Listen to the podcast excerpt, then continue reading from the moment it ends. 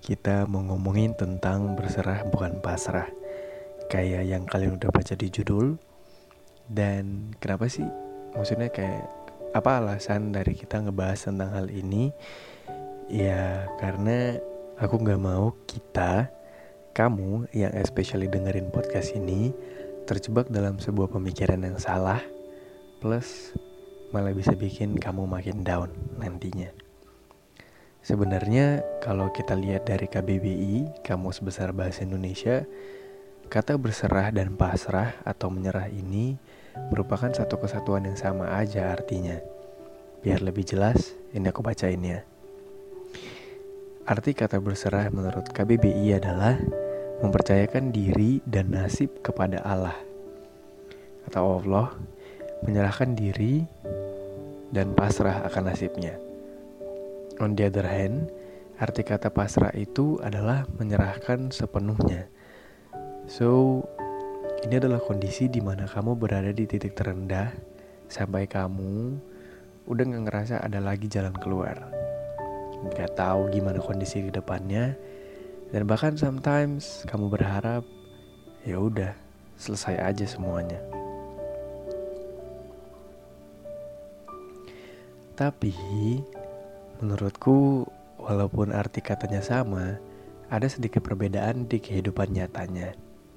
Yang pertama nih, ketika kamu pasrah, itu akan membuat pemikiranmu cenderung menjadi seorang yang pesimis. Ya, kamu akan selalu berpikir bahwa kayak gak pernah ada jalan keluar dan kita bakalan selamanya terperangkap di dalam masalah itu. Yang kita pikirin tuh cuma ya gagal, gagal, terus kemudian merasa putus asa. Even the worst case-nya ya, kamu akan mencari jalan pintas untuk mencoba menyelesaikan masalah tersebut. Padahal jalan pintas itu belum tentu jawaban yang sebenarnya. Bisa jadi malah makin buat masalah. Sementara ketika kita berserah, kamu kita akan cenderung menjadi seorang yang optimis. Ada jalan keluar yang bisa kita cari. Tetap ada semangat untuk mencoba sesuatu agar bisa keluar dari masalah tersebut. Ya, walaupun kita tahu sebenarnya masalah yang kita alamin ini kayak udah berat, berat banget. Yang kedua nih, ketika kita pasrah, kita bisa menjadi seseorang yang akan menyalahkan orang lain atas kondisi yang sedang kita alami saat ini. Padahal, ya belum tentu kondisi yang kita alami sekarang merupakan akibat dan tindakan dari orang lain juga. Bisa aja karena kelalaian diri kita sendiri kan, atau hal paling simpelnya itu karena kita nggak ngikutin peraturan yang udah ada. Sedangkan ketika kita berserah, kita bisa melihat kondisi yang sekarang kita alami nantinya bakalan menjadi sebuah pelajaran berharga dan bakalan berguna.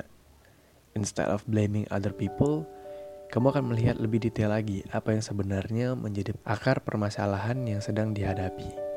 Even kamu tetap bisa melihat hal positif lainnya yang masih bisa dirasain. Misalnya nih ya, tiba-tiba kamu harus diberhentikan dari pekerjaanmu yang sekarang. Atau kamu gak menang lomba yang baru aja kamu ikutin. Padahal dari prediksimu, kamu bakalan bisa nih masuk tiga besar. Tapi ternyata ya gak kejadian. Cuma di saat kita berserah, menurutku ketika hal jelek itu datang, kita masih bisa berpikir nih, ya aku masih sehat, anggota tubuhku masih lengkap. Ya udah, coba aja lagi. Mungkin buat kamu yang religius juga ya bisa mengucap syukur kepada Tuhan Yang Maha Esa karena walaupun udah mengalami hal kayak gini bukan malah membuat kita kecewa, tapi malah jadi semakin dekat kepadanya.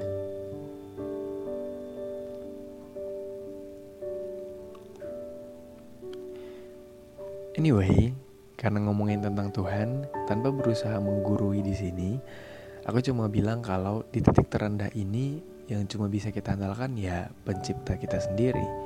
Dia yang mengenal kita, dan bahkan sebelum kita lahir, dia juga tahu cerita hidup kita ke depannya seperti apa. Kayak yang pernah aku dengar juga, Tuhan gak pernah berjanji bahwa langit selalu biru.